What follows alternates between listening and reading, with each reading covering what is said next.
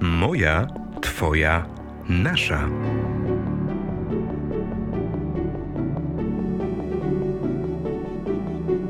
Zapraszamy na podcast Wirtualnej Polski.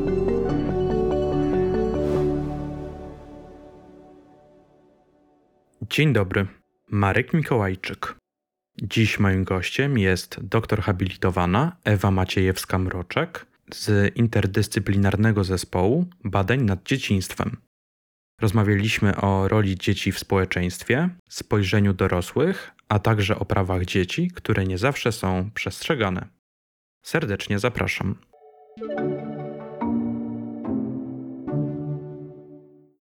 Odszukując e, w pamięci wspomnienia z lat młodzieńczych, e, zapewne każdy z nas usłyszał modne niegdyś powiedzenie: Dzieci i ryby głosu nie mają. Wydawałoby się, że to taki troszeczkę perelowy relikt, ale ja z pewnością jeszcze jakieś 15 lat temu coś podobnego usłyszałem z ust moich dziadków. Jak pani myśli, czy takie podejście do dzieci jest jeszcze zakorzenione w myśleniu dorosłych? Myślę, że jest zakorzenione, nawet jeżeli coraz mniej osób by powiedziało ten właśnie tekst, który Pan przed chwilą powiedział, i y, myślę, że coraz mniej osób otwarcie by się przyznawało do tego typu poglądów. Natomiast myślę, że ewolucja w podejściu do dzieci jest powolna i mamy jeszcze wiele reliktów takiego y, myślenia o dzieciach jako o osobach, których y, prawa są mniej istotne niż prawa osób dorosłych. Więc nie wiem, nie wydaje mi się, żebym żeby możliwe było łatwo usłyszenie takiego zdania, ale na pewno głos dzieci nie jest czymś, co jest dobrze słyszane i co jest wartościowane jakoś y, szczególnie pozytywnie. Jak większość Polaków patrzy dziś na dzieci? W jednym z wywiadów powiedziała pani, że często w dziecku nie widzimy człowieka. Mam takie wrażenie, że niektórzy traktują dzieci jako kogoś, kim kiedyś będą, a nie kim teraz są.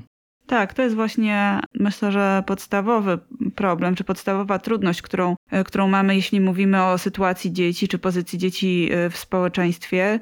To jest właśnie to, że na dzieci się nie patrzy jako na osoby, których sytuacje należy rozpatrywać ze względu na ich e, tu i teraz jest w mm, Childhood Studies, czyli dyscyplinie, którą ja się zajmuję, takie pojęcie jak futurity, czyli właśnie patrzenie na dzieci ze względu na ich przyszłość. I to e, patrzenie ze względu na przyszłość może być e, podyktowane dobrymi intencjami. Na przykład, nie wiem, analizowane w badaniach były kampanie społeczne, które zwracały uwagę na krzywdzenie dzieci i na to, jakie konsekwencje dla przyszłości dzieci może mieć takie działanie. I to jest wszystko prawda, ale skoncentrowanie się na przyszłości dziecka i na tym, że ono będzie kiedyś dorosłym, powoduje, że, że po prostu możemy przegapić to, że to dziecko przeżywa swoje życie tu i teraz, przeżywa je w tym momencie i, i właśnie e, ze względu na jego aktualną sytuację, aktualny do, dobrostan należy o nie dbać. Widzę to po, na przykład po, po swoich kuzynkach podczas jakichś rodzinnych spotkań. Wydaje mi się, że to jest dosyć powszechne generalnie w polskich rodzinach. Niektórym zdarza się traktować dzieci nieco z góry. Patrzymy na nie jako na istoty troszeczkę głupsze, nie nadające się do jeszcze jakiejś dyskusji, powiedzmy, na poziomie. Znaczy ja myślę, że są tutaj problemów jest kilka, no bo um, co to znaczy głupsze? Myślę, że tak. Myślę, że oczywiście dzieci są niedoceniane i na pewno często, bardzo często zdarza się, że rozumieją więcej niż nam się wydaje, ale też ja bym zwróciła uwagę na to, że może taka zwyczajna wiedza czy taki rozwój to nie jest jedyna rzecz, o której możemy myśleć, tak, jeśli chodzi o dziecko czy o człowieka, rozwój intelektualny na przykład, czy rozwój poznawczy. Dlatego, że, e, że dzieci po prostu rozumieją świat na swój sposób, interpretują go używając zasobów, które mają i swoich specyficznych dla siebie sposobów rozumienia świata. I one, jeżeli na nie spojrzymy pod mm, pewnym kątem, mogą się wydać niedoskonałe, bo one są niedoskonałe z punktu widzenia takiej dorosłej racjonalności, czy mówiąc jeszcze ogólniej takiej zachodniej racjonalności oświeceniowej, gdzie im więcej ktoś ma wiedzy, im więcej jej nabył, tym jest mądrzejszy, ale może warto też spojrzeć na osoby takie jak dzieci na przykład, na, y, jako na osoby, które mają swoje specyficzne zasoby i działają aktywnie w świecie właśnie na bazie tych zasobów, które mają. I część z tych rzeczy oczywiście można by powiedzieć, że jest mniej doskonała niż u dorosłych, tak jak na przykład, nie wiem, no, przyrost wiedzy jest osiągany z czasem, ale sposoby radzenia sobie ze światem, sposoby rozumienia różnych e, zależności, no, są po prostu charakterystyczne dla, dla danej osoby w konkretnej jej sytuacji i one są po prostu, nie mogą być rozpatrywane tak samo jak w stosunku do dorosłych. I, czyli dziecko widzi świat po dziecięcemu i radzi sobie ze światem adekwatnie do swoich potrzeb i, i, kontekstu, w którym się znajduje, tak? Czyli nie możemy do dziecka przykładać tych samych miar. Co więcej, wydaje się, że no, są takie obszary, w których łatwiej jest dzieciom, tak? Czy dzieci, no nie chciałabym właśnie użyć słowa, yy, że są mądrzejsze, ale lepiej sobie radzą, są na przykład bardziej elastyczne, dużo łatwiej wchodzą w takie nawet krótkotrwałe interakcje. Są w tym oczywiście dla dorosłych w pewnym sensie no, nieprzewidywalne, czy yy, jak jeden z badaczy mówił, że dzieci nie zachowują lojalności interakcyjnej, tak? Trochę nie wiemy, co dziecko powie, co zrobi. Dla dorosłych to może być niewygodne, ale z drugiej strony jest w tym też ogromna siła i jest ogromny zasób, o którym czasem yy, zapominamy. Tłumacząc sobie takie zachowania, bardzo często używamy dwóch słów, że ktoś się zachowuje, nawet być może dziecko, e, dziecinnie albo dziecięco. I to jest nawet dosyć symptomatyczne, że ten przymiotnik dziecinny często używamy jako określenie pejoratywne. Nawet słownik języka polskiego, e, tutaj napisany pod redakcją profesora Witolda Doroszewskiego, tłumaczy słowo dziecinny jako naiwny lub niepoważny. Więc ten sposób myślenia nawet o dziecku jest takie bardzo z góry, tak? Dosyć, dosyć pejoratywne. No, możemy kogoś obrazić na przykład tym, że zachowuje się dziecinnie. No tak, to jest problem z przeróżnymi grupami, które nie są, powiedziałabym, w centrum życia społecznego, czy są w jakiś sposób marginalizowane, tak? Nadanie cechy tej osoby, czy przypisanie cechy tej osoby innym jest traktowane jako coś pejoratywnego. To tak samo jest na przykład z płcią, tak? Czy z innymi e, cechami, więc nie dziwne, że z dziećmi też tak jest. To znaczy ci, którzy nie są w centrum, ci, którzy nie, nie spełniają tych wszystkich wymogów takiego właśnie racjonalnego ideału dorosłej, racjonalnej osoby, tak, Europejczyka, zawsze będą jakoś, e, no ich pozycja będzie słabsza, a ich, ich cechy je charakteryzujące mogą być uważane za pejoratywne, ale z drugiej strony jest w naszej kulturze też bardzo silny nurt właśnie doceniający dzieci, ale też tak rom, romantyzujący dzieci, dzieci i dzieciństwo, tak? To też właśnie ma źródło w romantycznym myśleniu o dziecku,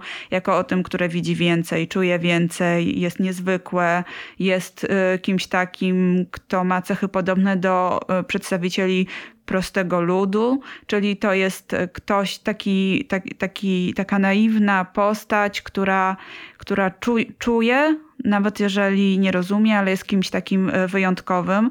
No i to też e, z jednej strony jest taki, taka przeciwwaga, jest może dobra, ale też pamiętajmy, że takie romantyzowanie też zasłania nam to, kim dziecko jest naprawdę i zasłania nam przede wszystkim to, że dziecko potrzebuje takiego uważnego podejścia do tego, kim naprawdę jest, tak? Bez takich zasłaniających je przeróżnych mitów kulturowych. Z tego, co pani e, mówi, wyłania się taki obraz, że albo w jedną, albo w drugą stronę. Brakuje takiego realnego spojrzenia na dzieci e, w tym wszystkim i dostrzeżenia właśnie tego, dziecka tym, którym po prostu to dziecko jest. Tak, no właśnie e, te, te różne mity kulturowe powodują, że my inaczej y, działamy w stosunku do dzieci niż moglibyśmy działać, tak? Na przykład ten mit romantyzujący dziecko, pokazujący je jako takie pierwotnie niewinne, na przykład sprawia, że, że dziecko ma być chronione przed wszelką wiedzą o, o seksualności człowieka, tak? Że to pierwotnie niewinne dziecko jest dzieckiem, które się nie nadaje do tego, żeby na przykład podlegać edukacji seksualnej, tak? Z drugiej strony to dziecko nieracjonalne jest dzieckiem, które na przykład, którego nie trzeba słuchać ustalając prawo. Także e, te różne, różne takie modele kulturowe myślenia o dziecku są takimi wygodnymi usprawiedliwieniami czy, czymś, czym się posługujemy, żeby nie spojrzeć na dziecko bardziej uczciwie. Powiedziała troszeczkę Pani o tym prawie. Mniej więcej 30 lat temu powstała konwencja o prawach e, dzieci. Dokument ten został ratyfikowany przez 196 państw, w tym Polskę. Co ciekawe, konwencja nigdy nie została ratyfikowana w Stanach Zjednoczonych. Mam przed sobą takie trzy, wydaje mi się, kluczowe artykuły z tej konwencji. To jest artykuł 12, 13 i 14. Pozwolę je sobie przytoczyć. Państwa strony zapewniają dziecku, które jest zdolne do kształtowania swych własnych poglądów, prawo do swobodnego wyrażania własnych poglądów we wszystkich sprawach dotyczących dziecka, przyjmując je z należytą wagą, stosownie do wieku oraz dojrzałości dziecka. Artykuł 13. Dziecko będzie miało prawo do swobodnej wypowiedzi. Prawo to e, ma zawierać swobodę poszukiwania, otrzymywania i przekazywania informacji oraz idei wszelkiego rodzaju, bez względu na granice w formie ustnej, pisemnej bądź za pomocą druku. I artykuł 14. Państwa będą respektowały prawo dzieci do swobody myśli, sumienia i wyznania. To wszystko brzmi pięknie, ale znajduje się na papierze. Czy obowiązuje też w życiu codziennym? Jakie ma Pani w tej kwestii odczucia? No ja myślę, że to jest proces i że nie można mówić na pewno o tym, że, że jeden fakt, nawet tak istotny jak taka międzynarodowa konwencja, zmieni rzeczywistość. I na pewno e, no ja chciałabym, żeby zmiany następowały szybciej. Czasem one wręcz, nie wiem, przyhamowują, czy może się uwsteczniają. Takie mam czasami odczucia ale myślę, że tak naprawdę no to jest po prostu zadanie dla nas wszystkich, zwłaszcza dla nas dorosłych, ale dla dzieci też. Bo oczywiście, że, że to dorośli muszą stworzyć dzieciom warunki, ale też zaprosić dzieci, ale dla dzieci też jest zadaniem wypełnić treścią te, te zobowiązania. E, I myślę, że, że po prostu społeczeństwo jest jakby zobowiązane współdziałać w tym, żeby ta konwencja była realizowana. Ale jest oczywiście bardzo wiele obszarów, gdzie ona nie jest realizowana. Począwszy od y, edukacji czy służby zdrowia, przez mm, różne uregulowania prawne. No sami wiemy, tak? W zasadzie we wszelkich obszarach, w których e, spojrzymy na, na aktywność dorosłych względem dzieci, widzimy, że prawa dziecka do decydowania o sobie nie są w pełni przestrzegane. To na pewno jest e, rzecz, która wymaga jeszcze dużo pracy. Zwróciłbym przede wszystkim uwagę na, na ten brak reprezentacji dzieci i młodzieży we władzach centralnych. Obecnie w Sejmie mamy jedynie dwóch posłów, na 460 poniżej 30 roku życia. Jest to Mateusz Bochenek z Koalicji Obywatelskiej i Robert Gontarz z PiSu. Obaj panowie w przyszłym roku ukończą 30 lat, więc śmiało można powiedzieć, że obecna kadencja parlamentu zakończy się bez jakiejkolwiek reprezentacji młodych, mimo że konstytucja tak naprawdę tą młodzież do, do, do zasiadania w Sejmie dopuszcza. To jest bardzo ciekawe, co pan powiedział. Nie zdawałam sobie z tego sprawy, że to wygląda aż tak. No to jest bardzo dobry przykład, bo co prawda mówimy już teraz nie o dzieciach, ale o młodych dorosłych ale to prawda, że w ogóle oni są e, też słabo słyszalni, słabo reprezentowani i właśnie reprezentacja polityczna jest tego przykładem. Ale chciałabym powiedzieć o tym, że dzieci i młodzi ludzie bywają reprezentowani, czy mają swoje jakieś organy, które ich reprezentują, ale to bardzo często jest coś, co jest tylko taką fasadą, co jest takim usprawiedliwieniem dla, dla prawdziwej nieobecności i niedecyzyjności dzieci w życiu publicznym. No już oczywiście osławionym przykładem jest Sejm Dzieci i Młodzieży, który zbiera zbiera się raz w roku w okolicach Dnia Dziecka, ale też z łatwością można z tego zrezygnować, kiedy na przykład jest, no, okoliczności nie sprzyjają, a tematyka, która jest poruszana, jest narzucana i jest absolutnie nieinteresująca dla młodych ludzi. To w ostatnich latach są kwestie historyczne, E, kwestie niezwiązane z tym, co naprawdę boli młodych ludzi. Widzimy ogromną aktywność młodych ludzi w ruchach e, dotyczących zmian klimatycznych na przykład, czy dotyczących równouprawnienia, czy dotyczących e, praw osób LGBT. Te tematy są absolutnie nieobecne, a jeżeli się pojawiają, to tylko na zasadzie takiego oddolnego jakby buntu tych osób, które tam się znalazły, ponieważ żeby przejść przez sito i zostać wybranym do tego pozornie reprezentującego młodych ciała, trzeba napisać tekst. Zakładam, że raczej wykazać się uległością tutaj i niekontrowersyjnymi poglądami. Później po tym zakwalifikowaniu zdarzają się zawsze młodzi ludzie, którzy wbrew oczekiwaniu mówią rzeczy niepopularne i rzeczy, które dla młodych są istotne, ale jakby sam mechanizm jest skonstruowany tak, żeby to nie było łatwe i żeby tak naprawdę ten głos młodych ludzi dotyczący tego, co ich naprawdę interesuje, nie był słyszany. Nie ma też wciąż ustawy, która by wprowadzała konwencję o prawach dziecka w Polsce. Nie ma takiej ustawy, która by zbierała e, kwestie praw dziecka i to jest moim zdaniem bardzo duży problem, dlatego że, że e, te różne uregulowania są rozproszone i tak naprawdę wiele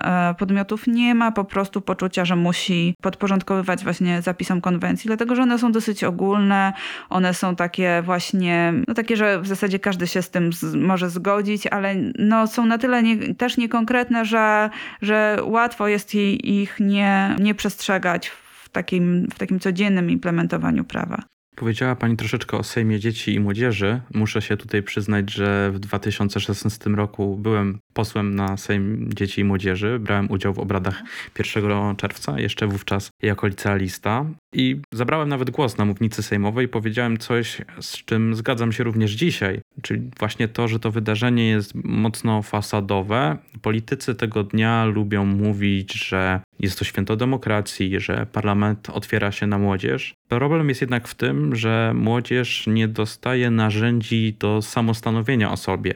Tak jak pani powiedziała, ten temat obrad jest narzucony z góry, ale mnie bardziej boli to, że ta uchwała, którą się przyjmuje tego dnia w, w głosowaniu, nie ma żadnej mocy prawnej.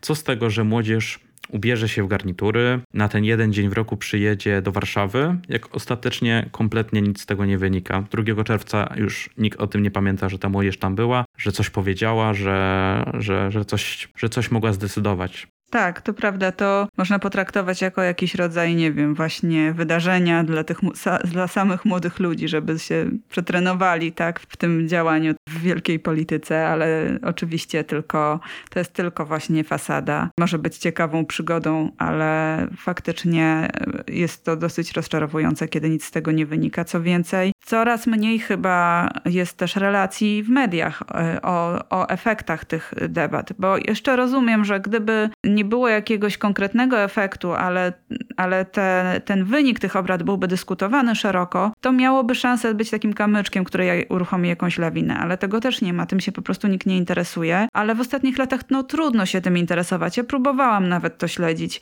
ale no po prostu tematyka tych spotkań jest naprawdę nieinteresująca i też już troszeczkę chyba jest taką samospełniającą się przepowiednią, że coraz mniej ludzi też uważa, że to nie będzie ciekawe i ostatecznie się tym nie interesuje. Ale jest jeszcze jedna rzecz, o której chciałam powiedzieć, że to wszystko o czym mówimy, czyli to przedstawicielstwo młodych ludzi, to jest ważne. To oczywiście też ważne jest, żeby to mm, było na różnych poziomach i ten centralny jest właśnie jednym, ale też mm, chodzi o samorządy na różnych szczeblach, ale też chodzi po prostu o miejsca, gdzie są dzieci, czyli na przykład szkoły, żeby e, samorządy uczniowskie przestały być też takimi fasadowymi często organami, dlatego że jeżeli samorząd szkolny nie ma realnych możliwości działania, decydowania, jeżeli decyzje nie są konsultowane z przedstawicielami, przedstawicielami i przedstawicielkami tego organu, to jego znaczenie nie jest istotne, jest właśnie fasadowe i kwestia tego, że w niewielu szkołach, e, z tego co wiem, samorząd dysponuje jakimikolwiek pieniędzmi, więc e, no trudno mówić, żeby miał możliwości działania, jeżeli tak naprawdę cały czas zależy od dorosłych i jest zależny również finansowo od dorosłych, organizacyjnie i w zasadzie to przedstawicielstwo e, ogranicza się do zdecydowania, nie wiem, którego dnia będzie, nie wiem, wiem, jakiś dzień tematyczny albo nie wiem, pomniejsze decyzje, które, które tak naprawdę są na tyle nieważne, że można je oddać w ręce uczniów, bo to chyba tak wygląda. I jeszcze jedna rzecz, że to wszystko, jeszcze te, o te wszystkie poziomy, o których mówiłam, to jest jedno, ale tak naprawdę to co powinniśmy zrobić i o czym powinniśmy teraz myśleć, to jest odwrócenie tego wszystkiego, tych wszystkich, e, tego sposobu myślenia i nie zastanawianie się, gdzie młodzi są w samorządach, tylko dlaczego my wszyscy nie działamy trochę tak jak młodzi i jak dzieci. Dlaczego nasza polityka jest taką polityką, w której nie ma właśnie takiej otwartości, nie ma grupowości, nie ma zmienności, nie ma spontaniczności, bo te cechy, które mają młodzi ludzie, bardzo y, warto byłoby zaimplementować właśnie do, do, do polityki w ogóle, czyli nie tylko dać dzieciom narzędzia polityczne, ale też udziecinnić politykę. Udziecinnić i znów y, brzmi to pejoratywnie, a właśnie chodzi o to, żeby zmienić ją na lepsze. Tutaj takim echem odbija się ten jeszcze pruski system edukacji z charakterystyczną ścisłą dyscypliną i hierarchią. Doświadczenie pokazuje jednak, że to fiński model, w którym szkoła nie ma oceniać ucznia, a jedynie wspierać i rozwijać jego talenty, okazuje się tym modelem efektywniejszym. Tak, myślę, że ten pruski model w Polsce trzyma się bardzo dobrze. Ja jako rodzic też bardzo mm, często tego y, doświadczałam i to obserwowałam. Na przykład jakieś, no naprawdę dla mnie zupełnie niestosowne zapisy w regulaminach, gdzie dyscyplinuje się dzieci, ale w szczególności dziewczynki co do ich wyglądu. To jest bardzo popularne. To jest całkowicie przezroczyste dla dorosłych, że y, mogą komentować y, na przykład uczennicom ich wygląd i zastanawiać się właśnie nad tym, co jest dozwolone, a co nie, podczas gdy samemu się jakby od siebie nie wymaga tego samego. To znaczy, ja rozumiem, że w szkole na przykład jakiś rodzaj stosownego wyglądu może, może być y, jakoś określony, ale tak się składa, że po prostu y, reguluje się przede wszystkim wygląd dziewczynek i że reguluje się rzeczy, które są naprawdę nieistotne, tak? które nie wpływają na, nie wiem, na to, jakim ktoś jest uczniem czy uczennicą. Zasadniczo też to ustawienie relacji z uczniami, na przykład te mm, systemy oceniania zachowania, które teoretycznie miały mm, zobiektywizować jakoś y, ten system, ale niczego nie zmieniły, to znaczy są tak samo opresyjne, a nawet bardziej, bo tak w zasadzie to teraz po prostu można wstawiać te punkty za zachowanie, o których teraz uczniowie i uczennice mówią e, naprawdę bardzo dowolnie e, i, i jest te, te, te, systemy są stosowane bardzo niekonsekwentnie, ale jest to przejaw te, czegoś, co ja nazywam bardzo niebezpiecznym zjawiskiem kwantyfikowania relacji międzyludzkich. Że da się e, relacje wychowawcze zakląć w te numerki a to jest moim zdaniem przeciwskuteczne i różne systemy, które zrezygnowały z numerycznych ocen, pokazują, że taka rezygnacja na pewno nie szkodzi relacjom czy wynikom w nauce. Ale ja już nie mówię, żeby zrezygnować z ocen, ale żeby rozumieć, że te numerki to nie jest e, środek do porozumiewania się z dziećmi bo to jest tak naprawdę teraz taki, taki poręczny środek do powiedzenia: jesteś takim uczniem, czy innym uczniem, zachowujesz się tak, czy inaczej. To wszystko jest wyrażone w jakiejś skali numerycznej i moim zdaniem to jest ogromna pomyłka.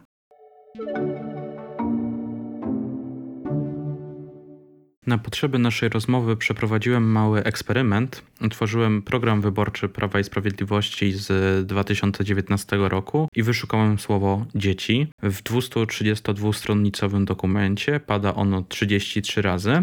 Najczęściej w kontekście rodziny i praw rodziców do wychowywania dzieci w wybrany przez siebie sposób. Zwracając uwagę na ten kontekst, odnoszę wrażenie, że przez partię rządzącą najmłodsi traktowani są przedmiotowo, a nie podmiotowo. Tej oferty skierowanej bezpośrednio do młodych jest naprawdę niewiele. Z czego Pani zdaniem może wynikać ten brak zainteresowania dziećmi przez władzę? Młodzi nie głosują w wyborach, więc nie opłaca się wychodzić do nich z ofertą? No myślę, że jest wiele przyczyn. Ja bym tak nie powiedziała, że, że władza się nie interesuje dziećmi. Władza się w pewnym sensie interesuje dziećmi, ale właśnie w taki instrumentalny sposób. To jest oczywiście szerszy problem, czyli to, że, że w ogóle dzieci e, nie tylko dla obecnej władzy są kimś, kogo można postrzegać przez pryzmat instytucji, w których się znajdują, znajdują takich jak szkoła, takich jak rodzina, kościół i tym podobne, a nie patrzy się na nie po prostu jako na osoby same w sobie. Ale oczywiście, że to, i to znów nie tylko partia rządząca, ale myślę, że naprawdę wiele partii ma z tym kłopot, że, że właśnie młodzi ludzie na przykład nie głosują i Teraz zauważyłam pewne ruchy w niektórych partiach skierowane bardziej do młodych, ale mam wrażenie, że jeszcze jest bardzo dużo pracy potrzebnej, takiej związanej z konsultowaniem tego, czego naprawdę chcą młodzi ludzie, czy czego chcą dzieci, bo o ile jeszcze młodych dorosłych, czy starszą młodzież wi widać bardziej, tak o tyle dzieci są kompletnie niezauważoną przez polityków jako właśnie osoby, grupą. Natomiast oczywiście bardzo dużo się mówi o dzieciach, o ich dobru, natomiast ponad ich głowami nie pyta się ich o, o zdanie, nie pyta się o to, co jest dla nich ważne, co byłoby im potrzebne, jak chciałoby rozwiązywać różne sprawy.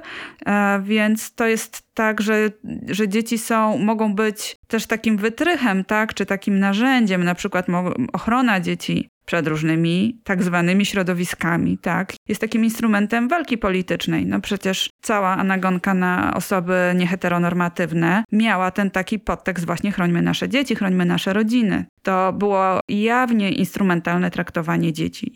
Jakby pomijając jakby sposób traktowania osób czy społeczności LGBT+, to traktowanie dzieci też było takie, że po prostu nagle dzieci stają się tymi bezbronnymi istotami, które trzeba chronić przed jakimś nie do końca określonym złem. I wtedy dzieci są potrzebne, tak? Bo rola dziecka w naszej kulturze jest taka, że, że dziecko jest kimś bezbronnym, kimś, kogo trzeba chronić i na tym sentymencie można wygrywać różne naprawdę bardzo brzydkie rzeczy. Mamy też przykład reformy edukacji, która została przeprowadzona obok dzieci, to znaczy miała dotyczyć dzieci, dotyczyła dzieci, no bo, bo, bo ten, to szkolnictwo bezpośrednio wpływa na, na rozwój dzieci, ale nikt, mam wrażenie, tych dzieci nie zapytał, jak chciałyby, żeby ta szkoła wyglądała. I tak jak minister Zaleska mówiła chociażby właśnie w moim podcaście, te konsultacje społeczne były. Tylko ja mam wrażenie, że podczas tych konsultacji te dzieci się nie wypowiedziały, albo to, co powiedziały, nie miały za dużo, nie miały za dużego wpływu na to, jak ta szkoła potem wyglądała. No tak, oczywiście to, że konsultacje się odbyły, to nie znaczy, że ktokolwiek wziął pod uwagę ich wynik, to jest jedno, bo protesty rodziców były ogromne. To był naprawdę bardzo silny ruch i rodziców, i e, nauczycieli. Natomiast faktycznie dzieci nie spytało o zdanie nikt. Ja pamiętam, że właśnie moje dziecko szło do szkoły podstawowej i przez większość jej czasu, czasu nauki w tej szkole myślało, że pójdzie do gimnazjum i chyba rok przed okazało się, że gimnazjum nie będzie, a, a dziecko będzie dalej w szkole podstawowej. I to jest ogromna zmiana, ogromna zmiana w myśleniu o sobie, o swojej ścieżce życiowej, bo przecież wybór gimnazjum też już jest takim pierwszym poważnym wyborem, jeżeli jest ich e, kilka e, w okolicy. Nagle to wszystko zostało odcięte i nikt, nikt tak naprawdę ani nie porozmawiał z dziećmi, czy tego chcą, czy nie, ale też nikt nie porozmawiał o konsekwencjach tego. To po prostu nagle dzieci po szóstej klasie poszły do siódmej i jakby nic się nie stało, protesty się przetoczyły nad ich głowami, a naprawdę nikt nie rozmawiał z młodymi ludźmi o, o tej bardzo istotnej zmianie w systemie. No tak, ale to te zmiany nie są konsultowane na żadnym poziomie, bo nie są konsultowane zmiany w skali makro, ale później w poszczególnych szkołach też sądzę, że zabrakło takiej rozmowy. Co się stało? Dlaczego e, tak się stało? Co o tym myślicie? Jak sobie będziemy z tym radzić, tak?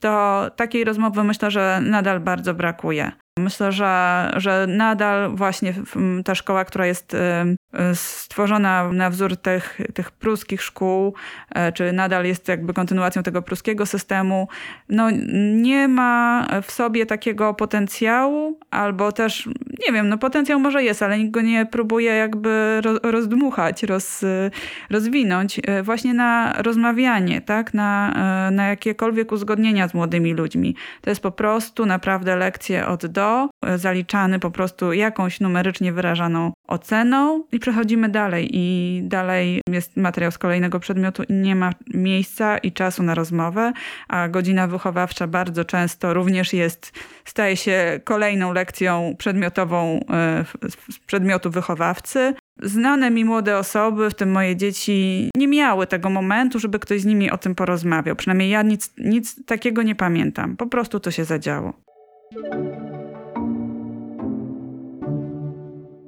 Krótki cytat. Młodzież jest pod bardzo wielkim wpływem smartfonów, stwierdził parę dni temu w Gnieźnie Jarosław Kaczyński. Prezes PiS dodał, że obserwuje młodzież bawiącą się nocami w centrum Warszawy. Mam wrażenie, daj Boże, że nieprawdziwe, że wielu z nich nie przekonamy. Ten przykład Ukrainy może na część młodzieży oddziaływać, może niektórych doprowadzić do poczucia pewnego wstydu, bo tamci młodzi ludzie rzeczywiście pokazują, że można być naprawdę jakimś dzielnym, odważnym, można być naprawdę bohaterem. W kulturze europejskiej, wyrosłej z kultury rycerskiej, było to bardzo wysoko cenione i oni takimi rycerzami są. Chciałbym, żeby w Polsce wśród młodych ludzi było jak najwięcej właśnie takich rycerzy. Są bardzo, bardzo potrzebni w dzisiejszych czasach. Jak pani patrzy na takie słowa? No musiałabym mieć tak naprawdę ten cytat chyba przed oczami, żeby go dobrze zanalizować, bo wątków tu jest naprawdę bardzo dużo. Jest oczywiście technofobia, z którą mierzą się młodzi ludzie i z którą też nie radzą sobie dorośli, tak? Czyli tak naprawdę jak rozumieć e, i jak e, zinterpretować ten wzrost znaczenia nowych technologii w życiu ludzi, a szczególnie młodych ludzi. Mówi się o tych cyfrowych tubylcach, o tych ludziach, którzy po prostu już w zasadzie istotną część swojego życia prowadzą w rzeczywistości online. I tutaj e, ta, ten strach przed, technologią jest czymś istotnym, ale też oczywiście, że, że sama technologia nie jest czymś neutralnym i i wymaga ogromnego namysłu to, tak? To, jak świat się zmienił, jak sobie z tym radzić, jak mimo tych, jak nie bać się tych zmian, a jednocześnie jak pomagać młodym ludziom, czy samemu sobie nie zatracić siebie w, w tych nowych mediach, nie uzależnić się na przykład. No jest to bardzo trudny temat. Te słowa polityka, no jakby, na, jakby zahaczyły o coś, co jest bardzo ważne. Tu pokazały właśnie ten taki typowy lęk, tak? Który mamy i taką bezradność. Tutaj też widać właśnie w tych słowach dużo bezradności bezradności, ja też w pewnym sensie trochę ją podzielam. To znaczy, dla mnie też świat się bardzo szybko zmienia i też sobie z, z, tym nie radzę, ale wydaje mi się, że może różnica jest taka, że chciałabym porozmawiać z osobami, których to dotyczy. I też e, wydaje mi się, że to, co, co jest tutaj też istotne, to są takie oczekiwania względem młodych ludzi, nieadekwatne troszeczkę, tak? Co to miało znaczyć? To znaczy, że ci młodzi ludzie mają się wzorować na osobach, których, które dotknęła wojna. No, w czym się mają wzorować? No nie wiem. Szczęśliwie są w innej sytuacji i oby młodzi ludzie w Ukrainie też jak najszybciej w takiej byli, tak? No, e, to nie jest dobrze, że młodzi ludzie są zmuszani do heroizmu albo do radzenia sobie z bardzo trudnymi emocjonalnie sytuacjami i myślę, że to jak ktoś znosi traumatyczne doświadczenia, no to nie jest ani coś, co należy pochwalić, ani ganić, to jest po prostu coś, co jest trudne i z czym ludzie sobie w różny sposób radzą i nie wiem, co oznacza dokładnie ta rycerskość tutaj. Rozumiem, że chodzi o pewnie jakieś takie stłumienie emocjonalności i, i taką, nie wiem, czy udawaną, czy rzeczywistą dzielność, to jest bardzo piękne, no ale to też y, może oznaczać na przykład trudność z wyrażaniem własnych emocji. Ta wypowiedź jest bardzo taka skomplikowana, ale pokazuje też różne właśnie takie mity w myśleniu o młodych ludziach czy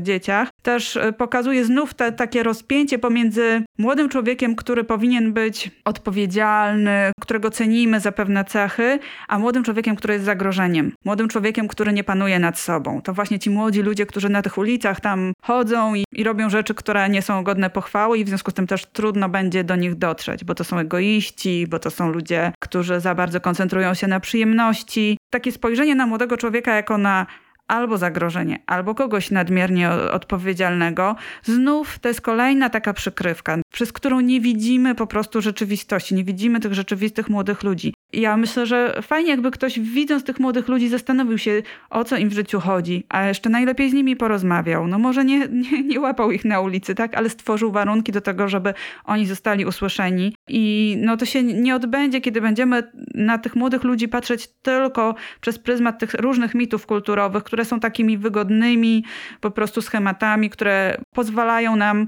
nie myśleć o różnych trudnościach w głębszy sposób i konfrontować się z problemami, które są naprawdę.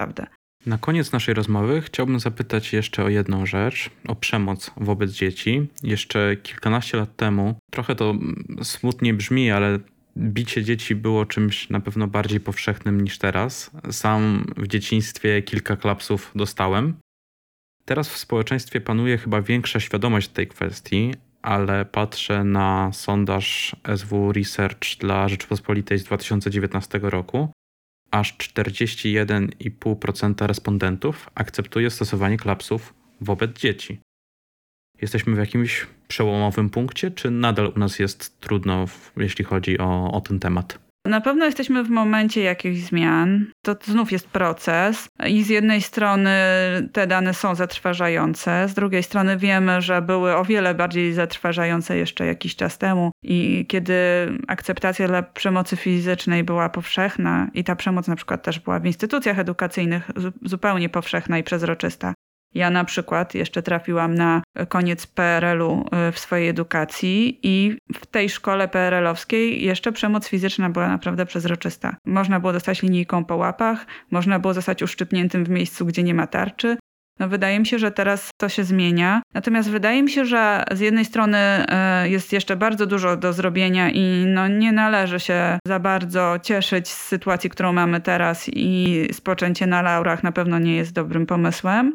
E, I nadal e, ogromna, ogromne zadanie również przed mediami, przed nauczycielami, specjalistkami, specjalistami, żeby uświadamiać, jak bardzo krzywdząca jest przemoc wobec dzieci.